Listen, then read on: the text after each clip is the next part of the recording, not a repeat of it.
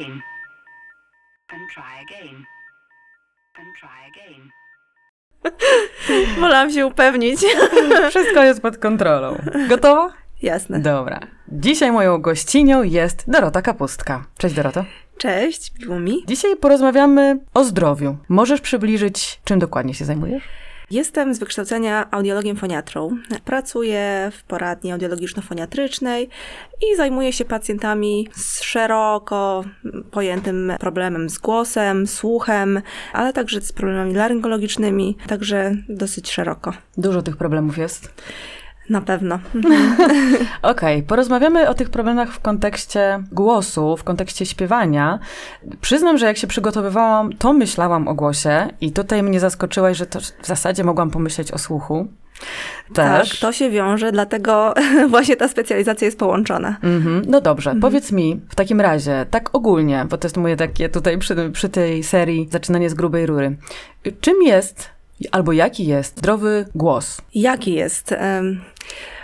Myślę, że przede wszystkim e, gło- głos jest to coś, co słyszymy, czyli na pierwszy rzut oka, rzut ucha, zdrowy głos możemy ocenić naszym słuchem. Jeżeli głos e, nie ma chrypki, jest e, dźwięczny, mówimy o tak zwanym głosie eufonicznym, czyli osłuchowo możemy stwierdzić po prostu, że głos jest zdrowy, prawidłowy.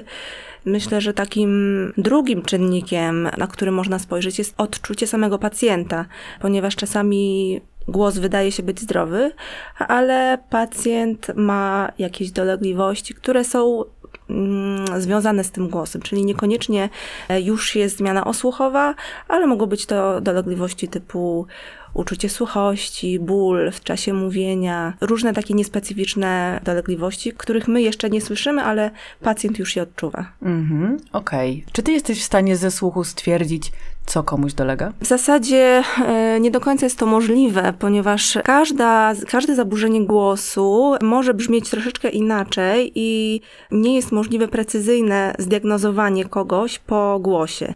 Natomiast oczywiście są takie takie pewne cechy, które mogą nas troszeczkę naprowadzić, ale nigdy nie, nie można się podjąć takiego stwierdzenia, a pewnie w tej krtani jest coś, bo to słyszymy. Także zawsze trzeba to zweryfikować naszym badaniem takim klasycznym, badaniem foniatrycznym, czyli laryngowideostroboskopią i po prostu obejrzeć. Okej, czyli kamera do gardła. Dokładnie. Okej, to, to boli? Nie, to nie boli. Natomiast y, no, niektórzy pacjenci niekoniecznie dobrze znoszą to badanie. Może ono wywołać taki odruch wymiotny, chociaż kwestia na pewno wprawna ręka w tym pomaga, żeby było to jak najmniej takie traumatyczne, ale wszystko, wszystko zależy, to jest bardzo indywidualne. Niektórzy pacjenci zupełnie bez problemu znoszą, a niektórzy faktycznie mają problem. Mhm. I to jest tak, że za pomocą tego badania jesteś w stanie wszystko stwierdzić? Czy też nie do końca? Większość rzeczy. To w medycynie nigdy nie możemy powiedzieć wszystko i nic, ale tak, to jest badanie, które nam praktycznie, no myślę, że 95-9% patologii potrafi zweryfikować. I to jest takie badanie właśnie naj, najbardziej popularne, jest takim tak zwanym złotym standardem. Natomiast oczywiście istnieją różne badania dodatkowe, którymi możemy się posiłkować właśnie w takich sytuacjach niejasnych, y, kiedy mamy jakieś wątpliwości. Mhm. Jakie to są badania na przykład? Cały szereg. One nie wszędzie są dostępne tak szeroko, natomiast y, w takich większych ośrodkach owszem. Myślę, że takim jakby pierwszym z brzegu jest to badanie bardzo podobne do wideostroboskopii, ale z użyciem nie sztywnej kamery, tylko z użyciem takiego giętkiego fiberoskopu. Jest to badanie przez nos. I ono pokazuje nam troszeczkę inne rzeczy, ponieważ tak jak możemy sobie wyobrazić, jeżeli wkładamy sztywną kamerę przez usta, trzymamy za język, no pacjent y, jest w stanie powiedzieć tylko pojedyncze głoski. No i nie jest to taka naturalna pozycja, tak, głosu. Pojawiają się napięcia, może się właśnie pojawić ten odruch wymiotny. I czasami, żeby tak e, lepiej ocenić funkcję w czasie mowy, nawet w czasie śpiewu, a nawet w czasie gry na przykład na instrumentach, co O. się dzieje w krtani. To wszystko możemy zobaczyć właśnie mm, przy pomocy fiberoskopu. Mhm. Więc jest to takie badanie dodatkowe, które nam pomaga ocenić pacjenta tak bardziej całościowo, czyli na przykład w tych sytuacjach, kiedy nie widać ewidentnej patologii w krtani, w badaniu stroboskopowym. Natomiast te zaburzenia są takie, mm, są bardziej czynnościowe, czyli zaburzona jest funkcja mięśni, praca Mhm. mięśni w czasie tych już złożonych zadań fonacyjnych, więc wtedy możemy sobie lepiej to ocenić. Okej, powiedziałaś, że oceniasz podczas mowy, śpiewu i też grania instrumentów i na instrumentach i w zasadzie każda z tych opcji jest godna kolejnego pytania, ale zastanawiam się to może od podstaw. Czyli można, mówiąc na przykład, już generować jakieś problemy u siebie? Tak, tak, tak. Można źle mówić? Można źle mówić. Mhm. Dowodem na to są pacjenci, którzy pracują głosem, ale nie wokaliści, tylko na przykład nauczyciele, prawnicy, Mhm. ale też lekarze. też lekarze do nas przychodzą, tak, cały bo dzień jednak mówią. tak. Także można nie do końca prawidłowo mówić i jeżeli tego mówienia jest dużo, to to może się przełożyć na powstanie zaburzeń. Mhm. A co to znaczy nie do końca dobrze mówić? Och, to też jest bardzo, bardzo szerokie pojęcie. No tutaj jest cały szereg czynników, które wpływają na to. Jakieś Jest najważniejsze. To, można to tak mm, takim wielkim workiem określić emisją głosu. Prawidłowa emisja głosu zależy od takich, od funkcji, powiedzmy takich trzech pięter e, naszego narządu głosu. Pierwszym piętrem jest układ oddechowy, drugie piętro to jest krtań, to jest to miejsce, gdzie jest generowany mm, dźwięk. Mhm. I trzecie piętro są to przestrzenie rezonacyjne, które ten dźwięk, ten ton krtaniowy modyfikują i nadają temu tonowi odpowiednią barwę. Także problemy mogą się pojawić już na etapie oddechu, czyli nieprawidłowy tor oddechowy, zbyt krótki oddech, nieprawidłowe takie nawyki oddechowe. Kolejna rzecz, w krtani mogą się pojawić pewne napięcia i one najczęściej mogą, jakby mogą być e, wynikiem tych problemów z oddechem, czyli nieprawidłowy oddech, tak zwane nie, nieprawidłowe podparcie, będzie powodowało, że krtań po prostu musi kompensować. Te drgania fałdów głosowych nie są do końca regularne, pojawiają się napięcia w obrębie mięśni wewnętrznych krtani i tutaj się pojawia kolejny problem. No i jeśli chodzi o tą trzecią przestrzeń, w zasadzie ona też jakby nie da się tych przestrzeni rozłączyć od siebie. Ona też jest gdzieś tam wynikiem tego, co się dzieje w krtani, tego, co się dzieje z oddechem. Jeżeli mamy nieprawidłowo, nieprawidłowy oddech, zbyt zaciśniętą krtań, może się pojawić również taka hiperfunkcja w obrębie właśnie tych struktur wyższych, tak? Mhm. Czyli zawężenie przestrzeni w gardle, zbyt duże napięcie języka i tak dalej, i tak dalej. Także, także te problemy mogą być na, na każdym etapie. Okej, a powiedz mi, jakie są najczęstsze, z jakimi się spotykasz? Na pewno nasz klimat wiąże się z tym, że mamy zimy, mamy wilgotne jesienie, y, wiosny, chłodne. Także spora część pacjentów ma problemy czy to z, z zatokami, czy z zapaleniami gardła, z infekcjami. To może się przenosić także na problemy z głosem, szczególnie u pacjentów pracujących głosem. Także takie mm, coś, co nazywamy ogólnie takim przewlekłym stanem zapalnym błony śluzowej, czyli coś, co nie jest jakby ostrą infekcją, Mhm. ale daje takie, no, daje cały czas takie objawy, że coś jest z tym głosem nie tak. Ale wśród osób pracujących głosem myślę, że najczęstszym schorzeniem są tak zwane właśnie czynnościowe zaburzenia z głosu. Czyli taki stan, gdzie w obrębie krtani nie widzimy jakiejś e, patologii, nie ma e, guzków, polipów czy jakiegoś stanu Mhm. zapalnego. Natomiast mamy chrypkę, pojawiają się takie dolegliwości, na przykład jak ból przy mówieniu, jak męczliwość głosu, czyli po dłuższym mówieniu głos jakby traci swoją jakość, pogarsza swoją jakość. Mogą się pojawiać zaniki głosu. I tutaj właśnie głównym, główną przyczyną tych problemów jest nieprawidłowa emisja, na którą nakłada się duży wysiłek głosowy, czyli pacjent mówi du- bardzo dużo przy nieprawidłowej emisji i to skutkuje takimi napięciami mięśniowymi. Odsyłasz swoich pacjentów na lekcje emisji głosu? To znaczy, u nas y, my prowadzimy taką terapię głosową, zarówno lekarz, jak i logopeda. Jakby dzielimy się troszeczkę tymi, tymi obowiązkami i tak całościowo podchodzimy do pacjenta. Także, także te elementy nauki emisji głosu tutaj w trakcie terapii głosowej są przekazywane i jakby to jest, to jest taka, taka główna, główna metoda w zasadzie leczenia czynnościowych zaburzeń głosu. Okej, tak? czyli to nie jest tak, że idę do ciebie po diagnozę i dajesz mi witaminkę i ja sobie idę ją wziąć, tylko ja przychodzę do ciebie regularnie na całą terapię. Taka możliwość też jest. To Mhm. wszystko zależy, tak? Jeżeli pacjent pracujący głosem e, ma zaburzenia, w badaniu stwierdzamy, że ma zaburzenia, jakby nieprawidłową emisję, to jak najbardziej taka terapia, rehabilitacja głosu jest zalecana. Mhm. Ile ona może trwać? Standardowo w naszym, w naszym ośrodku jest to takich pięć spotkań, ale to jest jakby tylko wstęp. To, jest, e, to są spotkania, które mają na celu właśnie mm, nauczenie tych podstaw, a później pacjent wszystko to musi Ćwiczyć w domu. kontynuować w domu, tak? Mhm. I już zostaje pod naszą opieką, bo to rzadko jest tak, że dajemy leczenie, problem mija i się już nie spotykamy. Wraca problem. Zwykle jest tak, że, że pacjenci, którzy mm, dużo pracują głosem i mają te problemy, jakby oni wymagają powtarzania, czasami bywają pewne zaostrzenia tych, tych dolegliwości, także, także zwykle już są pod naszą opieką. To sięga przecież do naszych nawyków, a tych się tak szybko nie da pozbyć, Dokładnie prawda? tak. Mhm. Także bardzo ważnym zaleceniem jest taka regularność ćwiczeń. Mhm.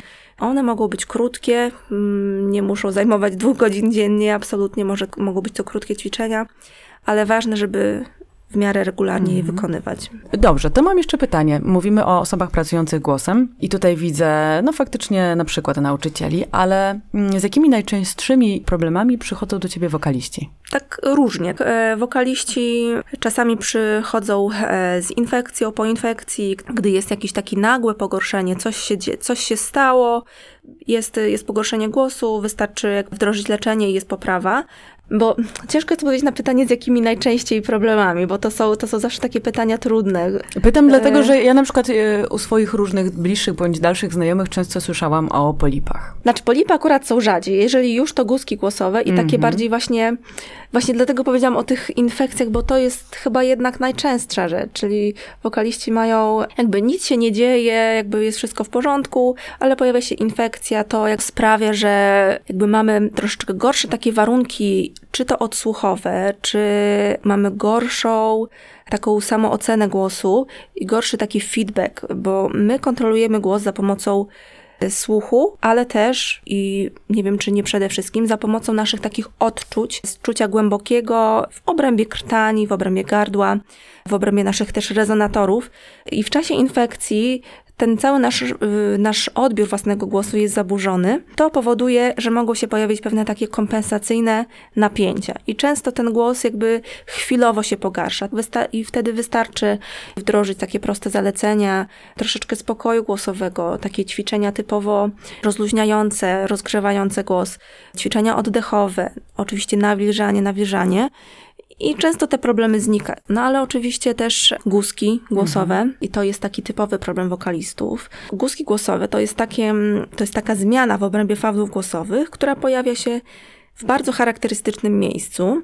I to jest takie miejsce w obrębie naszej głośni, w której jest największa siła styku fałdów głosowych podczas wibracji. I to miejsce jest najbardziej narażone po prostu na uraz.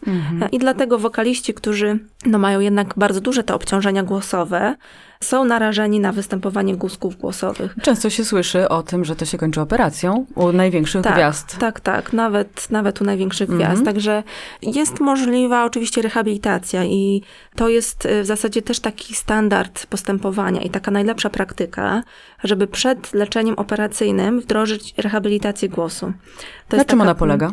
To jest troszkę to, o czym już mówiliśmy wcześniej, czyli poprawienie emisji głosu, Mhm, czyli p- poprawa tych wszystkich po kolei pięter, tak? Przede wszystkim oddech. Czasami jest to, są to także takie elementy terapii manualnej krtani, kiedy, Mhm. kiedy lekarz manualnie przeprowadza taki masaż mięśni zewnętrznych krtani, ale też niektórych dostępnych mięśni wewnętrznych krtani, ćwiczenia głosowe, takie ćwiczenia mm, poprawiające koordynację Może być to też tak wspomagająco fizjoterapia w postaci zabiegów prądowych, różne metody nawilżania głosu, także, ale także odpoczynek. W miarę możliwości. Po prostu. tak, tak, tak, chociaż miałam na myśli odpoczynek od wysiłków Od- głosowych, mhm. ale s- tutaj poruszać też y, taką ważną kwestię, tak, jak najbardziej to są takie czynniki naszej higieny głosu, które wpływają też y, na, na naszą regenerację, tak, Mhm. sen, odpowiednie odżywienie, relaksacja też. One wpływają na redukcję napięcia, czy jeszcze na jakimś innym poziomie?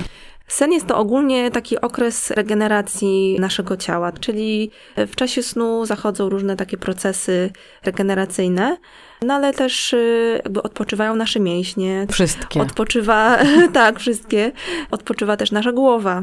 Mhm. E, na zmęczeniu przecież y, wszyscy to znamy. Jesteśmy bardziej zestresowani, bardziej podatni na Mhm. jakieś, jakąś irytację, a to wszystko odbija się później na naszych napięciach mięśniowych. No właśnie chciałam zapytać, czy sięgacie też w diagnostyce, a potem w leczeniu do psychosomatyki?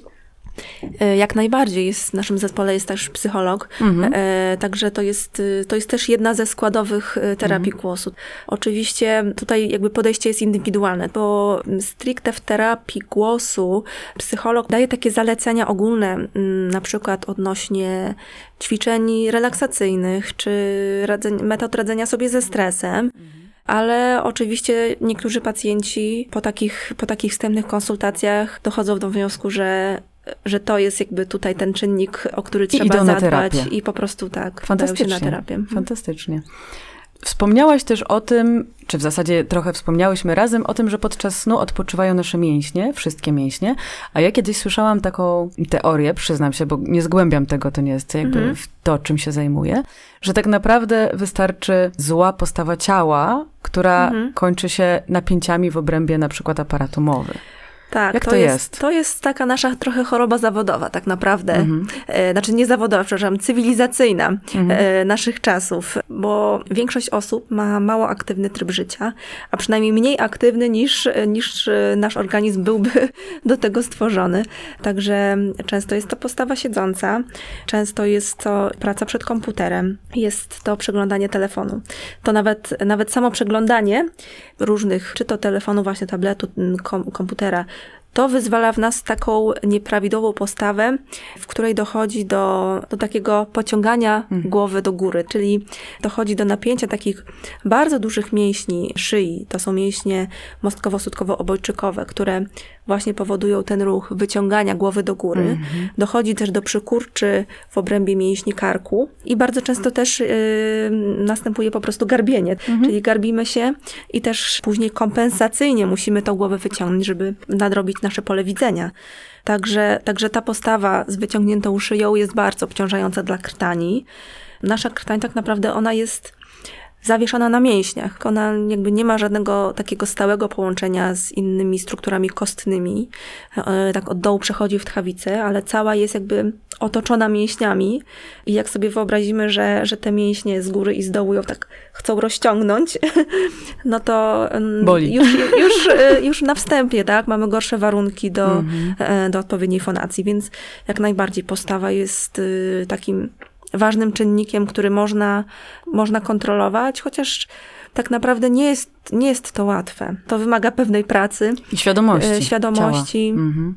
ale są różne metody, tak? Są różne metody, żeby tutaj poprawić tą sytuację. Jakie znasz? No, przede wszystkim ćwiczenia rozciągające, relaksacyjne, typu yoga, pilates, ale są też mm, takie techniki, na przykład technika Feldenkraisa, Mhm, która, słyszałam. której głównym właśnie założeniem jest poprawa naszej świadomości ciała, czyli, czyli chodzi o to, żeby właśnie siedząc zastanowić się, czy ja mogę siedzieć lepiej, Mhm.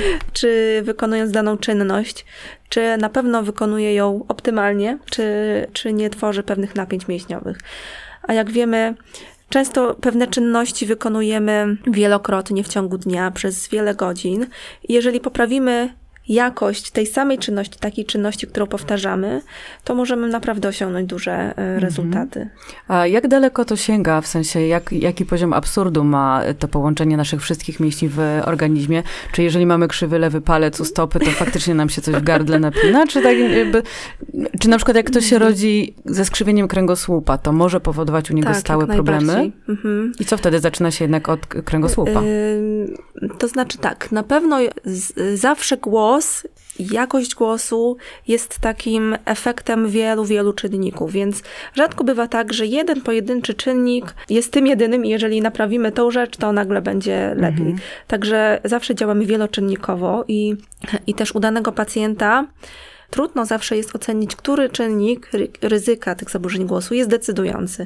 Więc też pacjent musi troszeczkę siebie poobserwować, wdrożyć te zalecenia właśnie z różnych dziedzin, czy to właśnie nawilżanie, czy to odpoczynek, czy to postawa, czy poprawa emisji głosu. To wszystko działa naraz.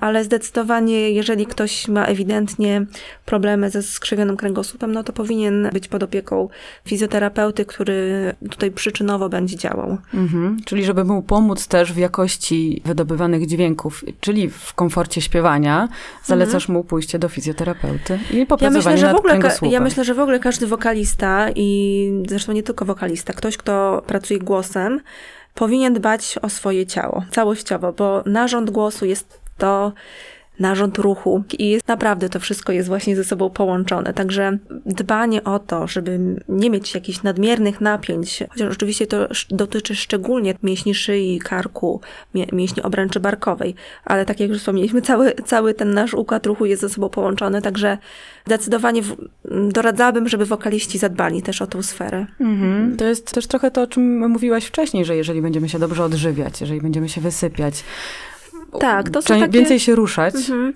To są takie elementy higieny głosu.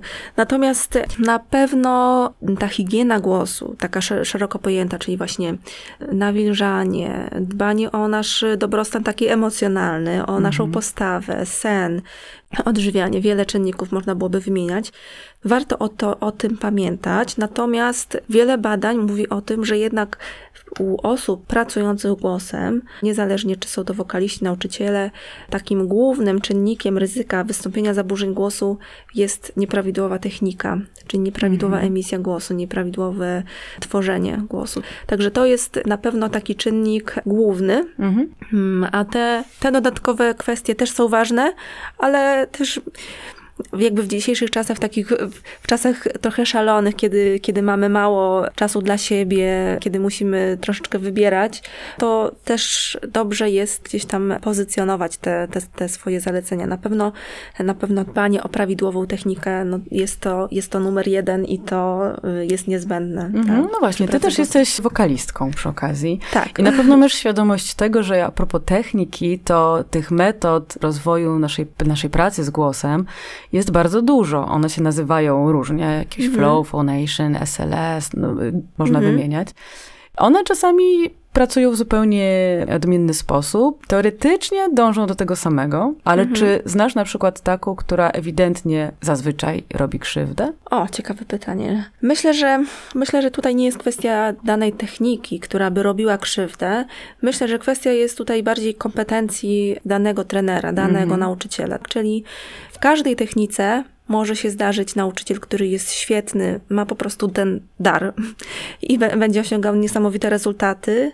E, Natomiast może się zdarzyć też nauczyciel, który jeszcze nie ma tego doświadczenia i może się zdarzyć, że, e, że nie do końca dobrze poprowadzi. Także, Mhm. także myślę, że tutaj bardziej jest tego kwestia. Okej.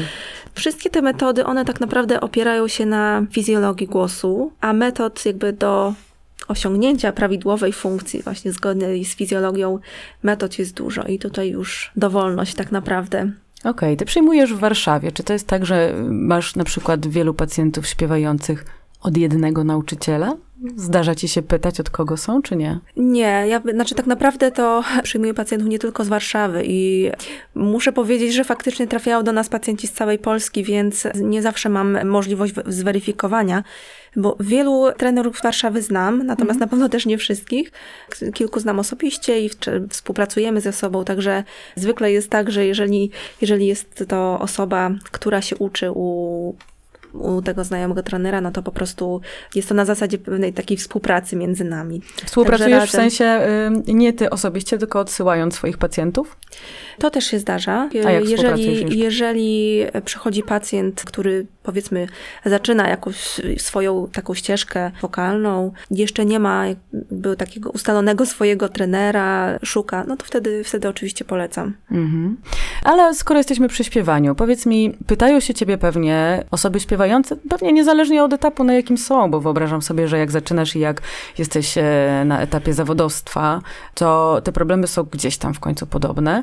Czy pytają się ciebie, jak przygotować się do występu, jak przeciwdziałać możliwym komplikacjom, zakładając, że mamy punkt wyjściowy zdrowy, że nie jesteśmy Mhm, chorzy, mhm. bo do tego to możemy dojść. Czyli co ja mogę zrobić przed występem, żeby poprawić swój komfort śpiewania? Akurat takich pytań nie, mia- nie miałam. Myślę, że z takimi pytaniami częściej się spotykają właśnie trenerzy wokalni, ale tutaj odpowiedź może być na pewno konieczna jest rozgrzewka przed Mhm. występem. To jest jedna rzecz. Druga rzecz są to różne techniki radzenia sobie ze stresem. Mhm. Oczywiście często osoby, które są już doświadczone zawodowo, już, y, już z tym problemem często sobie pora- poradziły. Natomiast wiem, że są osoby, które występują latami, a cały czas mierzą się z tremą. A jak wiemy, Trema, jak wiemy na moim przypadku teraz, trema powoduje skrócenie oddechu, zwiększone, zwiększone napięcie mięśni, także, także na pewno to są takie niekorzystne czynniki, niekorzystnie wpływające na Mhm. głos.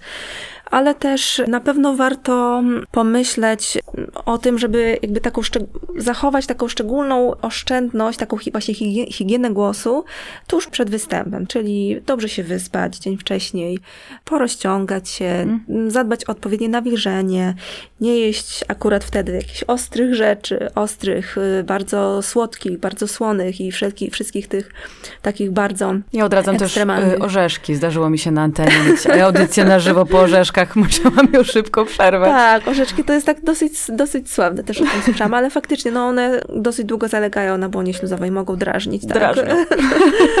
Co też jest ważne, warto unikać takich bezpośrednio przed występem wysiłków nadmiernych głosowych, czyli, e, bo to też czasami o tym zapominamy, ale dla wokalisty wysiłkiem głosowym jest nie tylko występ, ale też mówienie w ciągu dnia, w ciągu dnia czy w ciągu wieczorów, na przykład różnych imprezowych. Jak wiemy, na imprezach potrafi być głośno. Też spotkałam się z, no, z wieloma już takimi historiami, że wokalista świetnie sobie radzi z, z koncertami, ale to, co go załatwia, to jest to niestety wysiłek głosowy w czasie imprezy. Także na to warto zwracać uwagę, bo w, w podwyższonym tle dźwiękowym, tle akustycznym mamy taką naturalną tendencję do podnoszenia naszego No głosu tak. i, i to warto na to, warto spróbować to minimalizować w tych sytuacjach, kiedy jesteśmy przed występem. Mhm. A powiedz mi, sięgnijmy do takich mitów, na przykład jak będzie na nas działało żółtko jajka? Przyznam szczerze, że chy- chyba nie mam jakichś osobistych doświadczeń, nigdy tego nie zalecałam. Trudno mi powiedzieć. No jest to taka substancja, która być może troszeczkę y, pozostawia taki, taką warstwę ochronną, ale chyba nie mam zdania na ten temat. Na Dobra. pewno jest to substancja, która jest bardzo odżywcza, więc y, warto, tak ogólnie warto jeść jajka, bo są zdrowe i, i dają no dużo tak, ale tutaj witamin. słyszałam, że to surowe ma być. Tak, natomiast myślę, że z takich surowe jajko może nie każdemu się dobrze kojarzy, zresztą niesie też pewne ryzyko, Tak. więc y, może niekoniecznie traktowałabym to jako pierwszy, pierwszy rzut. Natomiast y, jeśli chodzi o takie mm, zalecenia stricte łagodzące na błonę śluzową, takim fajnym zaleceniem jest na przykład popijanie regularne oleju lnianego, bądź innych takich olejów y, z tych, chciałam z zapytać. tych tak. wielonienasyconych, czy czyli dyniowy, z ostropestu. także także te, te oleje można sobie popijać, chociaż nie każdy też je dobrze toleruje, bo są takie troszkę gorzkawe, ale faktycznie działają bardzo fajnie, na, jakby odżywiają błonę śluzową, bo też e, są bogate w witaminy. Ale zalecałabyś pozostawia- to codziennie rano na przykład, czy raczej przed występem? Codziennie, codziennie, tak. Okej. Nawet codziennie można, niekoniecznie, nawet niekoniecznie rano. To może Mhm. być w różnych porach dnia. Ważne jest, żeby po spożyciu przez chwilę nie jeść, żeby, żeby po prostu ten olej sobie podziałał. Mhm. No dobra, idziemy dalej w tych różnych naszych mitach. A co powiesz na wódkę? Myślę, że nie tylko wódka, ale w ogóle alkohol jest mocno drażniący dla błony Mhm. śluzowej i gardła, i też krtani, szczególnie tej części tylnej, która graniczy z przełykiem. Och, tutaj jest w ogóle szereg, szereg mechanizmów, w jakich alkohol e, źle wpływa. Czyli tak, pierwszy to już powiedziałam, że jest to takie mecha- mechaniczne drażnienie Mhm. miejscowe. Druga kwestia, alkohol często powoduje zwiotczenie mięśni, w tym mięśni zwierających przełyk, także może powodować refluks, co też wtórnie będzie działało drażniąco na krtań, ale powoduje też troszeczkę rozszerzenie naczyń, czyli na przykład po spożyciu alkoholu, no nie zalecałabym dużych wysiłków głosowych, bo może to się skończyć jakimiś zmianami naczyniowymi typu e, wylewy krwawe, czy jakieś właśnie takie wynaczynienia. Nie mówiąc o tym już, że troszeczkę tracimy taką naszą, taką precyzję kontroli nad, No to nad tak, mięśniami. kto Także tak próbował, nam, to wie. Wydaje nam się, że jest super, ale tak naprawdę okazuje się, że nie jest. Ja już tutaj sprawdzam, bo właśnie czytałam, że Steven Tyler z Aerosmith miał mm, pęknięte naczynie krwionośne. Czy to znaczy, że on wcześniej pił alkohol? Niekoniecznie, chociaż y, można się domyślać, że być może, tak. być może to się zdarzyło. Natomiast no, na pewno każdemu wokaliście może się to przytrafić, bo jednak y, przy dużych wysiłkach głosowych może dochodzić do takich też zmian naczyniowych, też wynikających właśnie z, z nadmiernego napięcia, z takiej z nie do końca prawidłowej cyrkulacji krwi w obrębie fałdów głosowych czy też y, no na pewno bardziej na, na, narażone na to są osoby, które mają problemy z infekcjami, czyli na pewno w czasie infekcji te naczynia są bardziej kruche, więc to jest też kolejny powód, dlaczego w czasie infekcji nie powinniśmy narażać się na, na takie Mhm. nadmierne wysiłki głosowe. A zdarza się wokaliści, zresztą przeprowadzałam też z kilkoma wywiad, czy zdarzało im się śpiewać w czasie choroby? Tak, nawet na sterydach. Tak, tak, tak, tak, tak. To jest, to jest nagminne, no bo wiadomo, to jest dosyć trudna sytuacja. Jak Jest koncert, y, bilety kupione i nagle jest infekcja, no jakoś dam radę. Ale myślę, że to też powoli się zmienia, bo już dużo wokalistów troszeczkę bardziej dba o siebie i myśli o tym, co będzie za 5 lat, za, 5, za 10 lat i czy, te, czy to jest na pewno konieczne. Można odwołać koncert, można na przykład, przynajmniej na pewno jest to zalecone, zalecane, jeżeli infekcja dotyczy krtani, czyli jest chrypka, no to jednak lepiej byłoby uniknąć. Natomiast no oczywiście no, decyzja należy do samego wokalisty i nie ma nigdy pewności, że na, że na pewno coś się stanie, natomiast no może się stać coś w postaci polipu, na przykład takiego krwotocznego. Po takim jednym występie podczas choroby, po, tak? Tak, po takim jednym. To jest właśnie najczęstsze powikłanie wysiłku podczas infekcji. Taki krwotoczny polip w obrębie fałdu głosowego. Okej, ale on się to pojawia oczywiście już... może minąć, tak? On No. się może do pewnego stopnia może się y, zresorbować, natomiast często musi się to skończyć chirurgią. Mhm.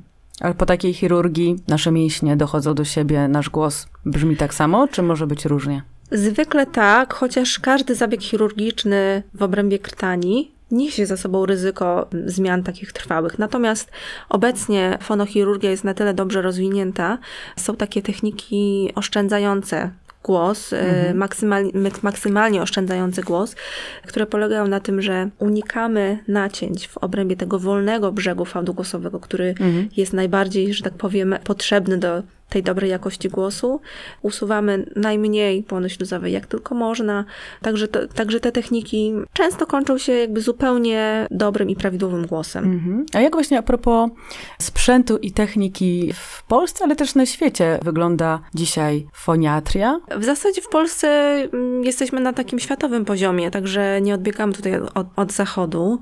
Są Tak odkryte jak- nowe, sp- wymyślone nowe sprzęty, Znaczy, odkryte to nowe... jest pewien taki proces, tak? Nieus, nie, jakby nieustanny. Medycyna się rozwija cały czas, coraz, coraz nowsze techniki, coraz nowsze narzędzia. Natomiast no, ten y, przełom, taki główny przełom fonochirurgii nastąpił już dosyć dawno, kiedy odkryto, zbadano, jak zbudowany jest głos, jak zbudowana, zbudowane są fałdy głosowe. Pojawiła się większa wiedza na temat samej fizjologii głosu. Dostrzeżono, jak bardzo ważna jest ta przestrzeń, ta błona śluzowa fałdu głosowego i ta przestrzeń tuż pod błoną śluzową, która odpowiada za tak zwaną falę śluzówkową. I w czasie drgań fałdów głosowych na fałdach powstaje taka fala, która powoduje, że to zwarcie głosowe jest takie idealne, gładkie i jakość właśnie błony śluzowej i tej, tej przestrzeni tuż pod błoną jest taka istotna. I dlatego jakby dzisiejsza chirurgia opiera się na tym właśnie, na, takiej, e, na takich metodach oszczędzających. Mhm. A co determinu- determinuje jakość błony śluzowej? Czy to jest coś genetycznie danego? Oprócz tego, że możemy na to Mhm. wpływać odpoczynkiem, jedzeniem Mhm. pewnie, tak? To znaczy, my na pewno się różnimy gene, jakby genetyką. Każdy Mhm. ma troszeczkę inne predyspozycje, inną wytrzymałość tych tkanek, tkanki łącznej. Natomiast na jakość błony śluzowej przede wszystkim z, z wpływają te czynniki takie środowiskowe. I tutaj można szerzej powiedzieć o tym nawilżeniu, które często się przewija. Jest to taki, takie podstawowe zalecenie. Trzeba pić dużo wody, Mhm. nawilżać, robić inhalacje. Dlaczego to jest takie ważne? Właśnie ta przestrzeń pod błoną śluzową, o której wspomniałam, ona jest zbudowana w taki sposób, że to jest coś takiego, można porównać do galaretki. Już to I widzę. Ta, tak, i ta galaretka, ona znacząco zmienia swoje właściwości fizyczne w zależności od tego, jak dobrze jest nawodniona. I jeżeli nasze fałdy głosowe, nasza błona śluzowa jest dobrze nawodniona, wtedy ta galaretka jest taka fajna, luźna i y, potrzebna jest mniejsza nasza siła i energia, żeby wprowadzić w drgania fałdy głosowe. Mhm. Natomiast jeżeli jesteśmy odwodnieni, ta przestrzeń staje się troszeczkę bardziej taka gęsta, lepka i żeby rozpocząć fonację, potrzebny jest dużo większy wysiłek, czyli dużo większe takie ciśnienie, które się gromadzi pod głośnią. I to już nam sprawia, że nasz głos, nasze, nasze, nasze tworzenie głosu jest o wiele bardziej wysiłkowe. To jedno zalecenie, tak? Okej. Więc to jest naprawdę prosta rzecz, którą można zmienić. I ja często tłumaczę to pacjentom, bo bo tak, dopóki sobie nie zdamy z tego sprawy i nie, nie, zwizu, nie zwizualizujemy sobie tego, Ta galaretka działa. tak, to, to myślimy sobie, a, dobra tam. Natomiast jak znamy ten mechanizm i wiemy, że to jest Mhm. naprawdę aż tak proste, a możemy sobie tym pomóc, to mamy po prostu lepsze, lepsze efekty, większą motywację do tego, żeby Mhm. jednak o to zadbać. Okej, a powiedz mi w takim razie, ile mamy pić wody dziennie? Dobowo. Tak, e, zwykle w literaturze pojawiają się takie dane o około dwóch litrach dziennie. Mhm. Czy to ma być płynów woda? przyjętych. Mhm. Płynów. Okej, czyli Płynów. zupa się w to tak, wlicza. z- zupa się wlicza jak najbardziej. Ale i herbata. Tak, chyba że trzeba o tym pamiętać, że mocna herbata może wysuszać. Tak samo napoje kofeinowe. Mhm. Jakby tego nie wliczamy. Okej. Jeżeli herbata jest taka powiedzmy lekka, szybciutko wyjmiemy tą torebkę, jeszcze ją mm, To więcej tam wody. damy tak, delikatnie może miotkiem dosłodzimy, to ona troszeczkę jest łagodniejsza dla Mhm. krtani. Soczek? Soczek y, może nie, nie jest najlepszym w ogóle pomysłem, ponieważ jest to jednak dawka cukrów prostych w Okej. czystej postaci, więc jeżeli możemy wybrać coś innego, to, to lepiej jednak coś innego. Mhm. Tak się utarło, że soki są zdrowe, ale zdrowe są owoce w całości. I tak? to mówimy obie jako mamy. Drogie Natomiast dzieci, tak. soczki niekoniecznie. Ale Ewentualnie sok rozcieńczony z wodą, tak, żeby był Tak. y, mniej troszeczkę stężony. nie wspominając Szczególnie- o napojach y, gazowanych. Tak, tak, tak, Ale możemy no o to- tym powiedzieć. Dlaczego Mhm. nie? Bo, bo przypuszczam, że nie. To jest też przede wszystkim zawartość cukru. To, Mhm. jest, to jest główny czynnik. Jeżeli byśmy sobie spróbowali rozpuścić w wodzie tyle cukru, ile jest w napojach gazowanych, to byśmy nie byli w stanie tego wypić, bo tam w tych napojach zawsze są dodawane też y, różnego rodzaju zakwaszacze, które, które to niwelują. I to jest też drugi czynnik, który z kolei drażni Mhm. błonę śluzową. Trzecia rzecz, gazowane napoje, też sam gaz jest Podrażnia? drażniący, Mhm. tak. Także Czyli nie, woda. Nie, nie tędy. Woda albo na przykład mm, bardzo fajne jest siemielniane, taki Mhm. kisielek z siemielnianego. Może to być na przykład właśnie herbata owocowa z, z miodem. No, różne Miód okej? rzeczy. Tak? Dobrze Miód okej, tylko Mhm. też nie bardzo stężony, tak? Bo, Mhm. bo jeżeli coś jest bardzo słodkie, no to też może drażnić błonę śluzową, ale też może powodować refluks. Także odrobinkę. w Okej, a dobra. A woda z cytrynką, czy ciepła, przygotowana, czy chłodna? Na pewno nie zimna, nie, na pewno nie Mhm. zimna taka prosto z lodówki. Myślę, że to jest też kwestia pewnej takiej obserwacji siebie, bo woda taka z dużą ilością soku cytrynowego, ona też będzie, będzie nas drażniła, tak? Więc staramy się wybierać te takie łagodne Mhm. płyny. Okej, to jest jedna y, część nawilżania. Druga część, wspomniałaś, to są inhalacje. Tak, tak, tak. Czyli ogólnie możemy pomyśleć, że jest to nawilżanie, nawadnianie organizmu Mhm. i druga rzecz to jest nawadnianie powierzchniowe, tak? Na, na nawilżanie tej błony śluzowej. Inhalacje, w ogóle uważam, że każdy wokalista, czy każda osoba pracująca głosem powinna mieć inhalator w E, swoim domu, Ale tak? taki nebulizator? Tak, to jest to Mhm. wymiennie, to jest to, Okej. tak, tak, tak, to samo. I mogą być to inhalacje zarówno z czystej soli fizjologicznej, tak, dostępna jest w, bez recepty w aptekach. Są też takie preparaty już gotowe, z, gdzie do soli jest dodany kwas hialuronowy. Można też do tej soli dodać kropelkę witaminy A plus E. Także takie inhalacje. Oczywiście nie robimy tego codziennie, no bo byśmy zwariowali. Mhm, Natomiast, ale- natomiast na pewno y, można pomyśleć o tym w, tych, w takich sytuacjach, kiedy na przykład czeka nas jakiś wysiłek głosowy, jakaś, nie wiem, trasa koncertowa i chcemy się troszeczkę podregenerować, albo czujemy, że coś się dzieje z głosem, no to wtedy sobie wdrażamy takiej, takie inhalacje. Na pewno je- jedyna rzecz to trzeba byłoby uważać, żeby nie robić inhalacji bezpośrednio przed wysiłkiem głosowym, bo jednak powoduje to troszeczkę poszerzenie naczyń i, i te fałdy głosowe mogą być troszkę bardziej narażone na, na jakieś uszkodzenia. Czyli wieczór wcześniej. Tak, tak, tak. Nie bezpośrednio przed wysiłkiem. A takie... Może być też dzi- w tym samym dniu, tylko chodzi o to, żeby Okej. jakby nie, nie z nad inhalatora wychodzić na scenę. A takie metody jak miska z gorącą wodą i ręcznik na głowę? Myślę, że one są troszeczkę mniej skuteczne, bo chociaż też, ale przede wszystkim to jest, to jest wtedy woda, to jest para, para wodna, więc e, ona nie jest, no chyba, że dosolimy sobie tą wodę, więc e, Mhm. tylko też nie jesteśmy w stanie wtedy też kontrolować do końca tego stężenia. Stężenia. Myślę, że takie dostępne inhalatory są naprawdę, nie są w dużej cenie, jest to Mhm. wygodne narzędzie, także myślę, że ono jest wygodniejsze niż takie Mi został taki nebulizator y, po córce, Tak, tak, ale tak. zastanawiam się, bo akurat mój nie ma tej funkcji, że y, można stosować z olejkami eterycznymi. Co z olejkami? Znaczy olejki, one też mogą, z tym, z tym bym była ostrożna, bo olejki eteryczne mogą też drażnić, więc Mhm. y, raczej, raczej chyba bym unikała inhalacji olejkami eterycznymi. Mhm. Czyli sól. Może mieć, mo, mogą mieć te inhalatory problem czasami z, z, też z witaminą A plus E, także no to Mhm. już zależy od sprzętu, ale często jest tak, że nawet najprostsze radzą sobie dobrze z tą kropelką witaminy A plus E. Okej, to są nasze dwie drogi nawilżania nas. Jeszcze Tak. coś? To już wspominałam o tych olejach takich do, do Okej, połykania, tak? To trzecie. jest bardzo Mhm. ważny czynnik. Ewentualnie w sytuacjach takich, nie wiem, gdzieś w biegu są różne tabletki takie nawilżające. One mają sens, czy nie? Mają, tylko Mają. zależy które. Mhm. E, To które Nie mają? wiem, czy można tutaj polecać. Można, można. Pozdrawiam mamę farmaceutkę. Ja bardzo polecam takie tabletki, które się nazywają Cevit. To jest witamina C, ale y, ona jest w takiej, takiej żel, żelowej, że tak powiem, y, masie i zostawia taką żelową powłokę. I bardzo podobny skład ma Gelovox. Mhm. To, To są takie y, tabletki do ssania. Tak, tabletki do ssania, tak. I one są do takiego codziennego stosowania, czy w razie Raczej w wypadku? razie, bo to Mhm. też y, myślę, że to po prostu nie ma sensu, żeby się.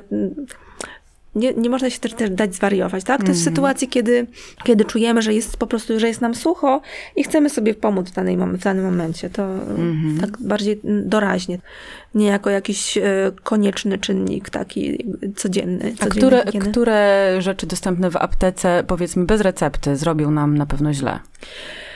To znaczy, trzeba być na pewno ostrożnym, jeśli chodzi o takie tabletki typowe na ból gardła, bo one oczywiście, one zawierają często takie substancje odkażające i przeciwbólowe i to oczywiście ma sens, sprawdzi się, jeżeli mamy typowe zapalenie gardła, boli nas gardło, przynosi ulgę, tak? Natomiast one mają niestety też takie działanie drażniące. Więc e, wiem, że pacjenci nie zawsze o tym wiedzą i wydaje mi się, że każdy, każdy dyskomfort w gardle to jest ich takie, taka metoda radzenia sobie z, z tym dyskomfortem, a właśnie niekoniecznie. To może być takie błędne koło. Mamy podrażnione gardło, przyjmujemy taką tabletkę, która z kolei jeszcze nas drażni, i koło Następna. się zamyka. Także, także wtedy właśnie lepiej te tabletki takie stricte nawilżające, nie, nie odkażające i ewentualnie inhalacje. Okej. I to wyczerpuje temat nawilżenia. Myślę, że tak. Dobrze, to przejdźmy dalej, bo skoro mamy o zamkniętym kręgu mówiłaś, to mm, mam też takie pytanie o mm, używki oczywiście, o nałogi, mhm. stąd ten krąg. To zacznijmy, bo zaczęłyśmy trochę tam o alkoholu, przejdźmy do papierosów. Co one nam robią? No, nie wiem, czy w ogóle muszę mówić. Na pewno robią bardzo źle. Powiem tak. Ja na studiach miałam problem z papierosami. I co mnie wyleczyło? Na wszystkich zajęciach, jakie miałam, okazało się, że papierosy są czynnikiem ryzyka danego schorzenia, o którym się uczymy. Okej. No, praktycznie nie było wyjątków, więc Czyli jeśli chce śpiewać, to na pewno nie, nie fajki.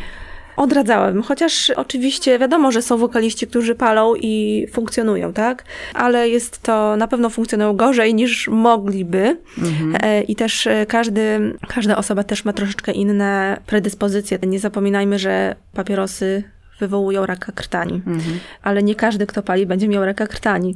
Natomiast nie wiemy, na kogo trafi. Nie wiemy, kto będzie miał obrzęki rękego. To jest też takie częste, częste schorzenie związane z paleniem papierosów, czyli ta przestrzeń, ta galaretka, o której już wcześniej mówiłam, ona ulega takiemu nadmiernemu obrzękowi i wtedy te fałdy głosowe są bardzo grube, głos się obniża i praktycznie w dużej mierze utrudnia pracę wokalną. Chociaż też miałam taki, taki przypadek pacjentki, która z kolei była aktorką.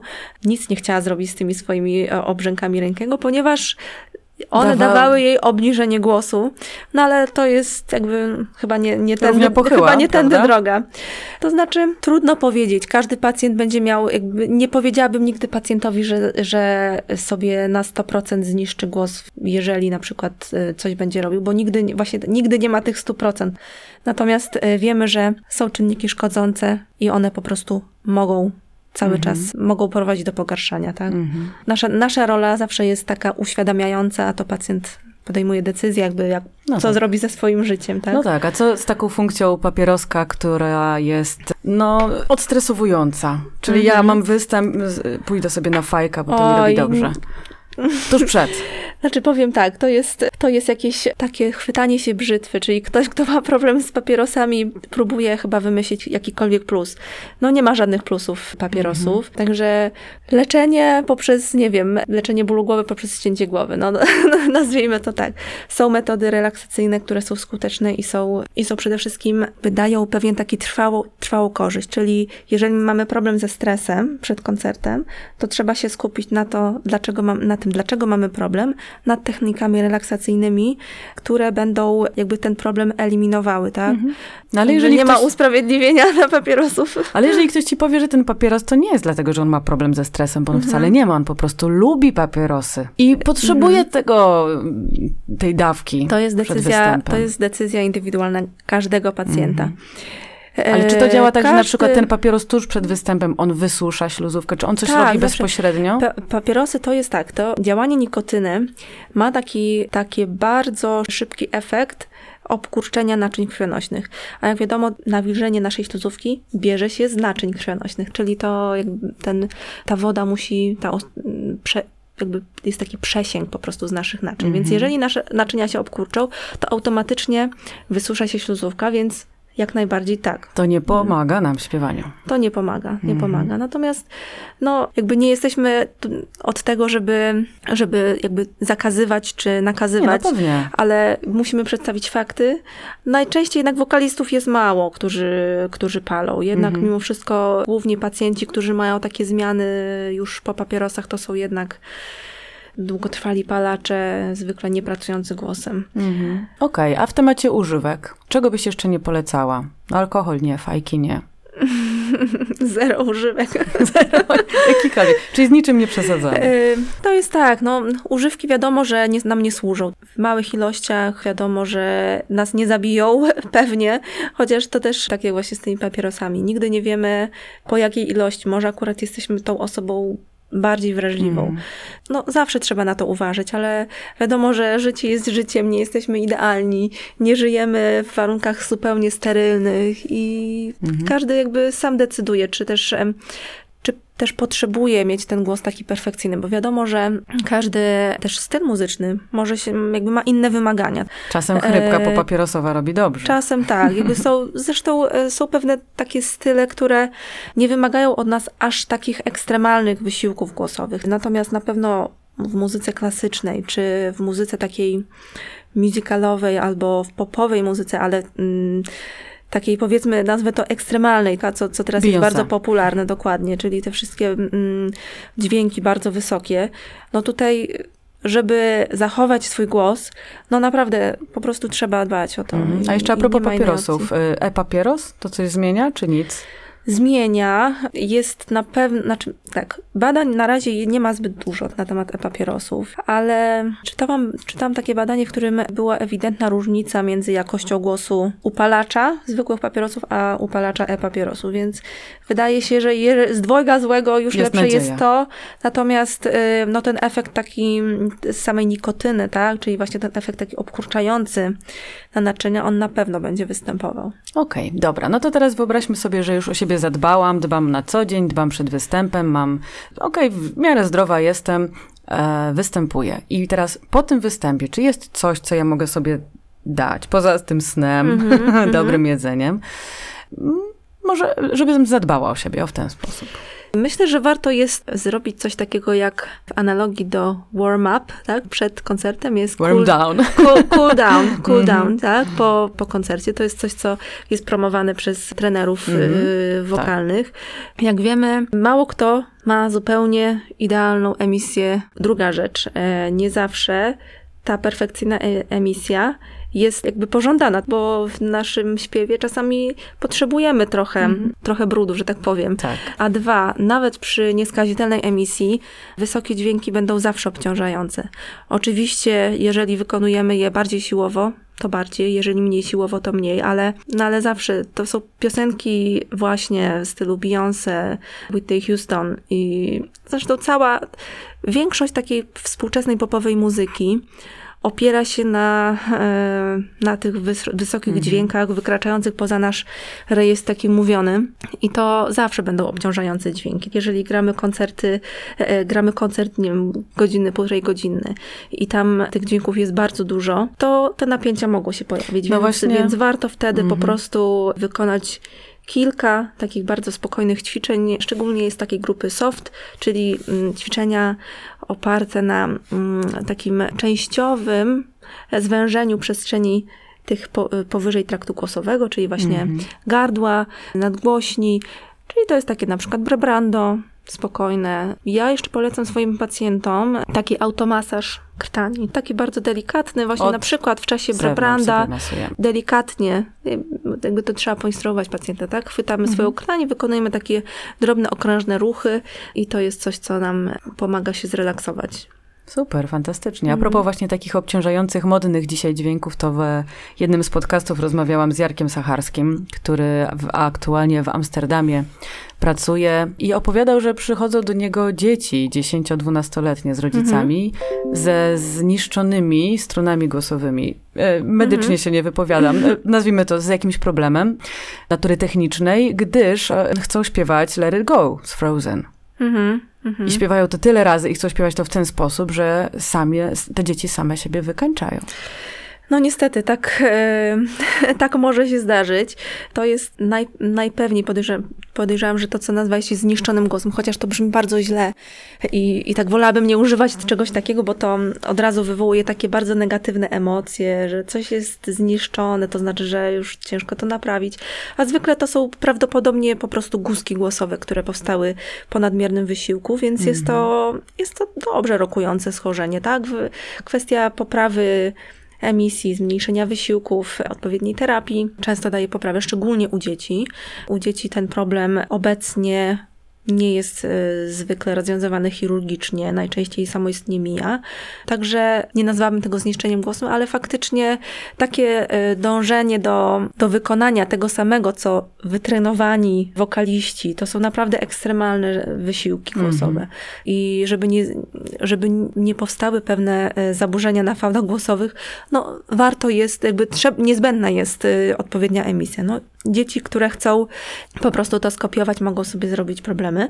Natomiast ogólnie ta tendencja do tworzenia guzków głosowych u dzieci jest troszeczkę większa. Jeden z powodów jest taki, taki czysto fizyczny. Dzieci mają wysokie głosy, co oznacza, że ich fałdy głosowe wibrują więcej razy na sekundę, co powoduje, że jest więcej tych uderzeń fałd o fałd w czasie sekundy i to już z biegu jakby daje tutaj większy wysiłek.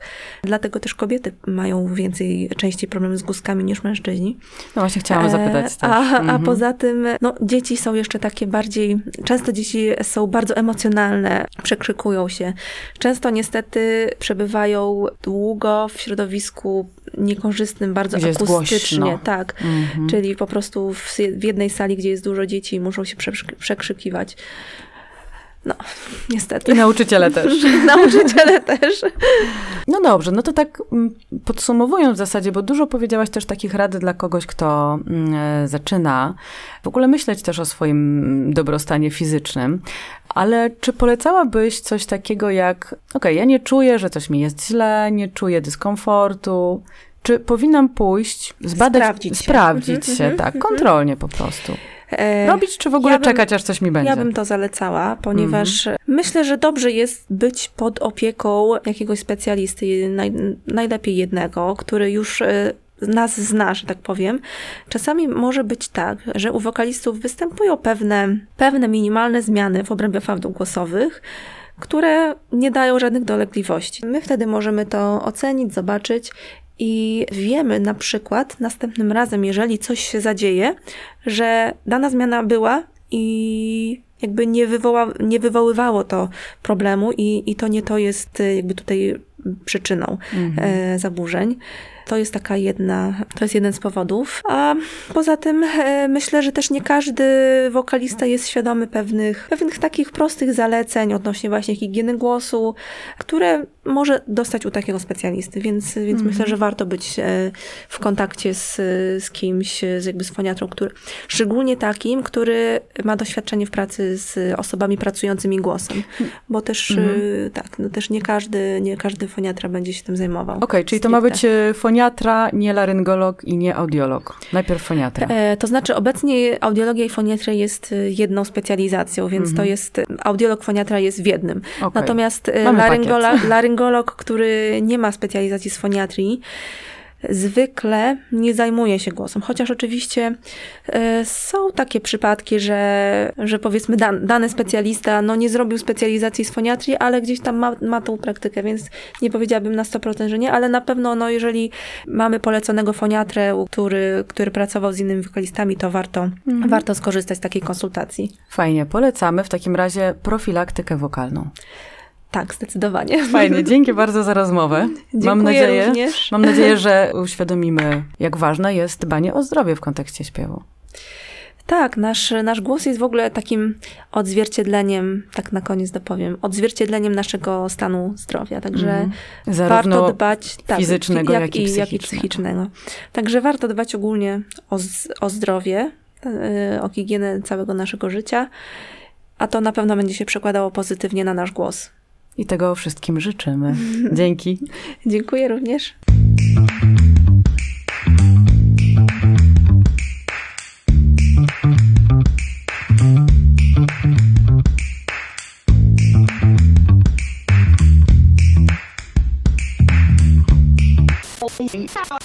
Please hang up and try again.